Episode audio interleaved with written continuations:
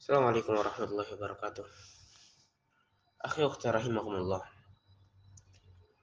Seorang hamba apabila dia mau mulia, maka hendaknya dia berdoa. Yang tadi telah kita bahas.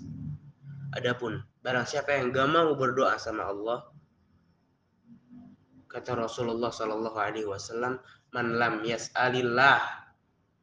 Barang siapa yang gak mau minta sama Allah, yaqdab alaihi kata Rasulullah Shallallahu Alaihi Wasallam. Kehinaan, kemurkaan Allah baginya. Allah murka kepadanya.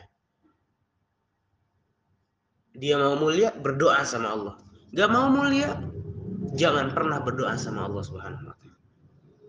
Tapi seorang hamba hendaknya dia selalu mentaati Allah Subhanahu wa taala sehingga dia akan mendapatkan kemuliaan di sisi Allah Subhanahu wa taala di dunia maupun di akhirat. Hada wallahu taala a'lam.